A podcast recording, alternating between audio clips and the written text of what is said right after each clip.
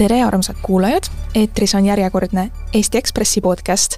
mina olen saatejuht Anna-Teel Orav ja stuudios vestlen Ekspressi ajakirjaniku Laura Kalamiga, tere Laura! tere! ja me räägime USA valimistest, eh, sest sel nädalal sa just sellest kirjutad. ja leiavad need aset siis täpselt aasta pärast. just nii, ja kõigepealt mõtlesin uurida, et eh, kuidas on see kandidaatide seis näiteks võrreldes eelmiste valimistega, äh, mis olid siis aastal kaks tuhat kakskümmend, on neid kuidagi rohkem, vähem, kuidas sina seda seisu näed?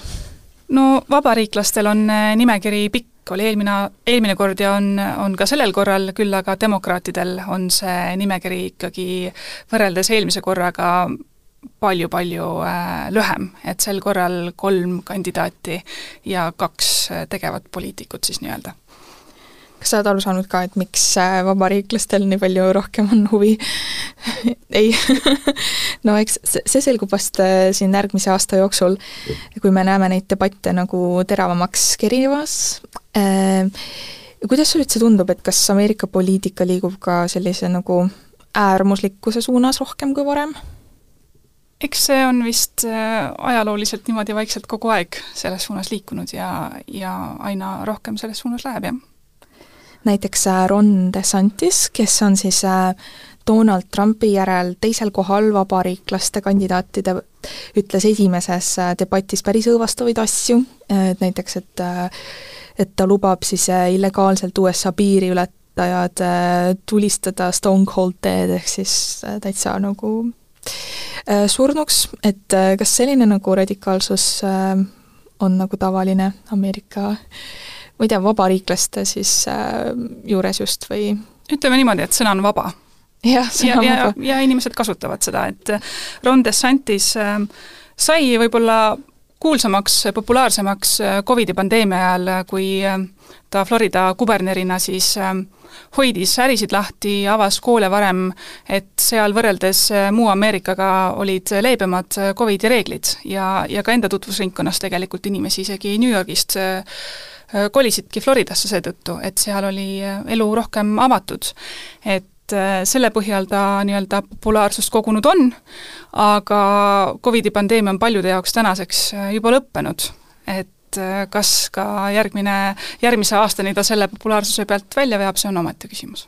Et siis tal on vaja leida mingi uus teema, on ju, kuidas seda vabadust kanaldada ja huvitav on ka vaadata neid äh, vabariiklaste toetusi, mida sa enda artiklis välja tõid, äh, protsendid, et äh, et Donald Trump on ju, juhib ja praeguse seisuga siis viiskümmend seitse protsenti võib-olla sa oskad siin täpsustada, et viiskümmend seitse protsenti kellest nüüd Trumpi eelistab presidendina? vabariiklastest siis vabariiklastest. Mm -hmm. ja nendest siis äh, neliteist protsenti eelistavad DeSantist, aga näiteks selle aasta alguses äh, olid nad teineteisele palju lähemal, et Trumpi oli siis, oli nii? jaa mm, -hmm. et äh, Ron DeSantist äh, nähti pikalt kui tõusvat tähte, aga sema, tema see nii-öelda äh, tähelend oligi siis kõige kõrgemal just selle aasta alguses, kus nende protsendivahe oli siis alla, alla kümne protsendi. -hmm. ja sealt alla on siis, edasi on siis tõusev täht nii-öelda langema hakanud mm. -hmm. et, et Trumpil ikkagi vastast ei ole jah, praeguse seisuga aga kas sa oled aru saanud, et miks on Trump sellel aastal just oma toetust äh, kasvatanud? no vabariiklaste valijad on väga lojaalsed ja, ja pärast seda, kui Trump on saanud kaela erinevad süüdistused, ka kriminaalsüüdistuse, siis äh, äh, kui sa tunned, et kellelegi, keda sa pooldad, tehakse ülekohut, siis see toetus kasvabki, ehk siis puhtalt lojaalsuse pealt. väga huvitav ja kuidas on demokraatidega lood, et sa juba mainisid siin, et äh, neil ei ole vastu panna sellist kandidaatide armeed nagu vabariiklastel, et äh, et kes neil siis nagu peale, Bideni üldse pakkuda on?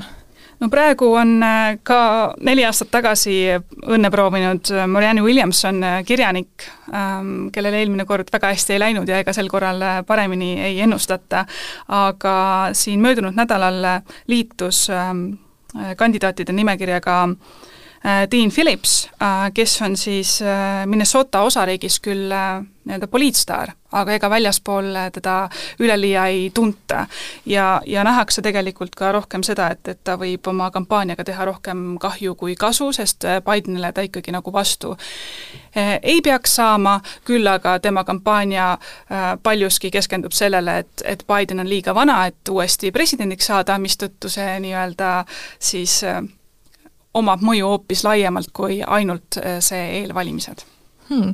ja need kandidaadid tõesti mängivad päris palju sellele, et Biden ja Trump on väga vanad ja justkui siis ei sobi enam presidendiks, Biden on kaheksakümmend, Trump on seitsekümmend seitse, aga kui palju see nagu valijaid huvitab, et nad nii vanad on? No demokraatide seas on ikkagi see mure päris suur, et äh, kui vaadata viimaseid äh, uuringuid, siis tegelikult seitsekümmend seitse protsenti ameeriklastest arvab, et Biden on äh, liiga vana, et uuesti presidendiks kandideerida, sealhulgas siis kuuskümmend üheksa protsenti demokraate arvab, et et Biden on siiski täna juba liiga eakas. Ja noh, täna on ta kaheksakümmend, aga kui me mõtleme, millal nii-öelda uus president ametisse astub, on kahe tuhande kahekümne viienda aasta jaanuar, et äh, Biden on siis juba kaheksakümmend kaks tegelikult. ja ametiaeg on neli aastat, nii et siis ta oleks kaheksakümne kuuenda eluaastani ametis, kui ta osutuks valituks. Eesti keeles vist öeldakse raugaiga juba selle kohta.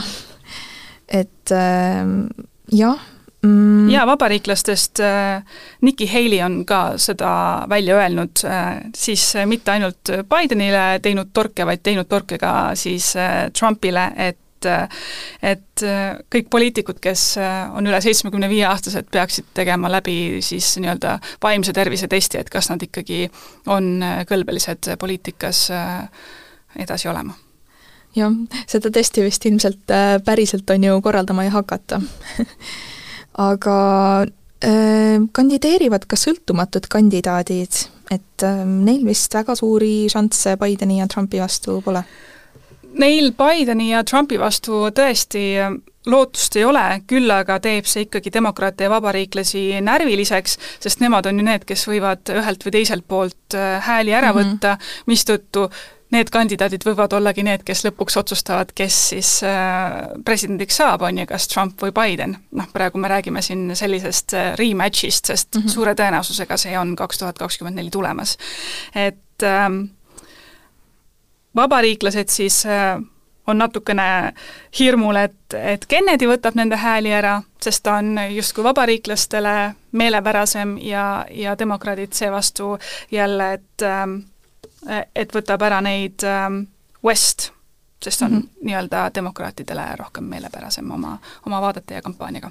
kirjelda paari sõnaga, et äh, kes see Kennedy on, ta oli see John F Kennedy onupoeg vist? jaa, just niimoodi äh, ja on äh, viimastel aastatel tuntust kogunud oma vaktsiinivastasusega ja, ja ka sellega, et, et Ukrainat ta nii palju ei toetaks, kui seda tehtaks praegu ja siis on meil Cornel West, kes äh, teeb murelikuks just demokraate, et on ta selline hunt kriimsilm aktivist, kirjanik ja ja professor ja eriti populaarne on ta just afro, afroameeriklaste seas ja võib kõnetada just siis Bideni toetajaid, tehes siis äh, Äh, jah, murelikuks äh, nii-öelda selle teise poole, et, et sealt võib-olla mõned hääled kaovad nii-öelda mm. -hmm. ja millal, äh, ütleme, järgmine nagu etapp selles valimiste saagas on, et mis siin toimuma hakkab? no aga need eelvalimised hakkavadki uuel aastal pihta täie rauaga, et, et ja siis pannakse paika, kes erakondadel nii-öelda kandidaadiks osutub ja, ja siis läheb edasi juba täielik presidendivalimiste rall nii-öelda väga äge ja mm, reitinguid vaadates, nagu sa juba mainisid, on ju, on ikkagi tõenäoline, et see põhivastasseis ongi Biden ja Trump jälle ja üks neist saab siis ilmselt järgmisel aastal presidendiks, on nii? just. ja sul on uudis tegelikult ka Ekspressi podcasti kuulajatele ja Eesti Ekspressi lugejatele, et äh, kas sa tahad selle uudise ise välja öelda? vot see tuleb nüüd üllatusena, et mm -hmm. jah, et see on minu, minu viimane, viimane artikkel ja viimane podcast siis eh, Eesti Ekspressi ajakirjanikuna, et eh, et aasta lõpus suundungi Ameerika Ühendriikidesse, Washingtoni, kus siis ähm, hakkab minu teekond siis äh, Eesti Rahvusringhäälingu korrespondendina, kus ma siis kõiki neid presidendivalimiste tralli siis juba sealt vahendan ma näen su silmist, et sa oled väga põnevil seda Ameerika presidendivalimisi hakata kajastama niimoodi Äh, jaa, see on suur väljakutse, eriti just seetõttu, et äh, ma olen sinna värskelt läinud, et sellist mm -hmm. sisseelamise perioodi nagu väga ei ole, et, et kohe tuleb selline väga-väga intensiivne ja väga keeruline tegelikult periood otsa, et see Ameerika Ühendriikide poliitika ja presidendivalimiste süsteem ei ole tegelikult ju midagi lihtsat, et see on midagi, mm -hmm. mida Eesti inimesed äh, peast ei oska öelda, kuidas see käib ja siis, ja kui isegi tehakse selgeks, siis ega nelja aastaga on ju kõik nagu meelest ära läinud, et kuidas edastada mm -hmm. uudiseid sealt niimoodi, et see oleks nii-öelda vastuvõetav ja selge. ja millal sa sinna siis lendad äh,? Detsembri paiku. detsembri paiku? ja on sul juba teada, kus sa elama hakkad? veel ei ole, aga aga küll leiab väga äge. ja esimene eeter on sul siis esimesel jaanuaril? No kõige varem esimene jaanuar, jah mm. -hmm juba mõtled sellele, et kas tahad minna Times Square'ile kajastama või, või veel ei saa niimoodi paika panna plaani? nii kaugele ma jah, veel mõelnud ei ole, et, et eks see selgub äh, vahetult, vahetult enne. ja võib-olla veel lõpetuseks, et äh, kas sa tead ka seda, kuidas hakkavad sinu tööpäevad siis äh, ERR-i korrespondendina äh, USA-s välja nägema?